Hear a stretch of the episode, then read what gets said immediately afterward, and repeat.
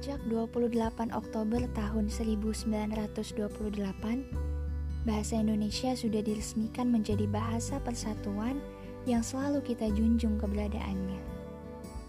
Bahasa Indonesia akan selalu menjadi bahasa yang mampu menyatukan kita di tengah negara Indonesia yang amat beragam.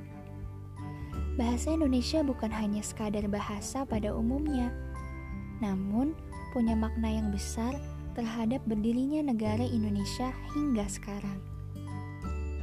Oleh karena itu, bahasa Indonesia bukan hanya patut untuk dijunjung tinggi, tetapi juga patut untuk dipelajari. Mari bersama-sama mempelajari bahasa Indonesia di podcast Mahir Berbahasa.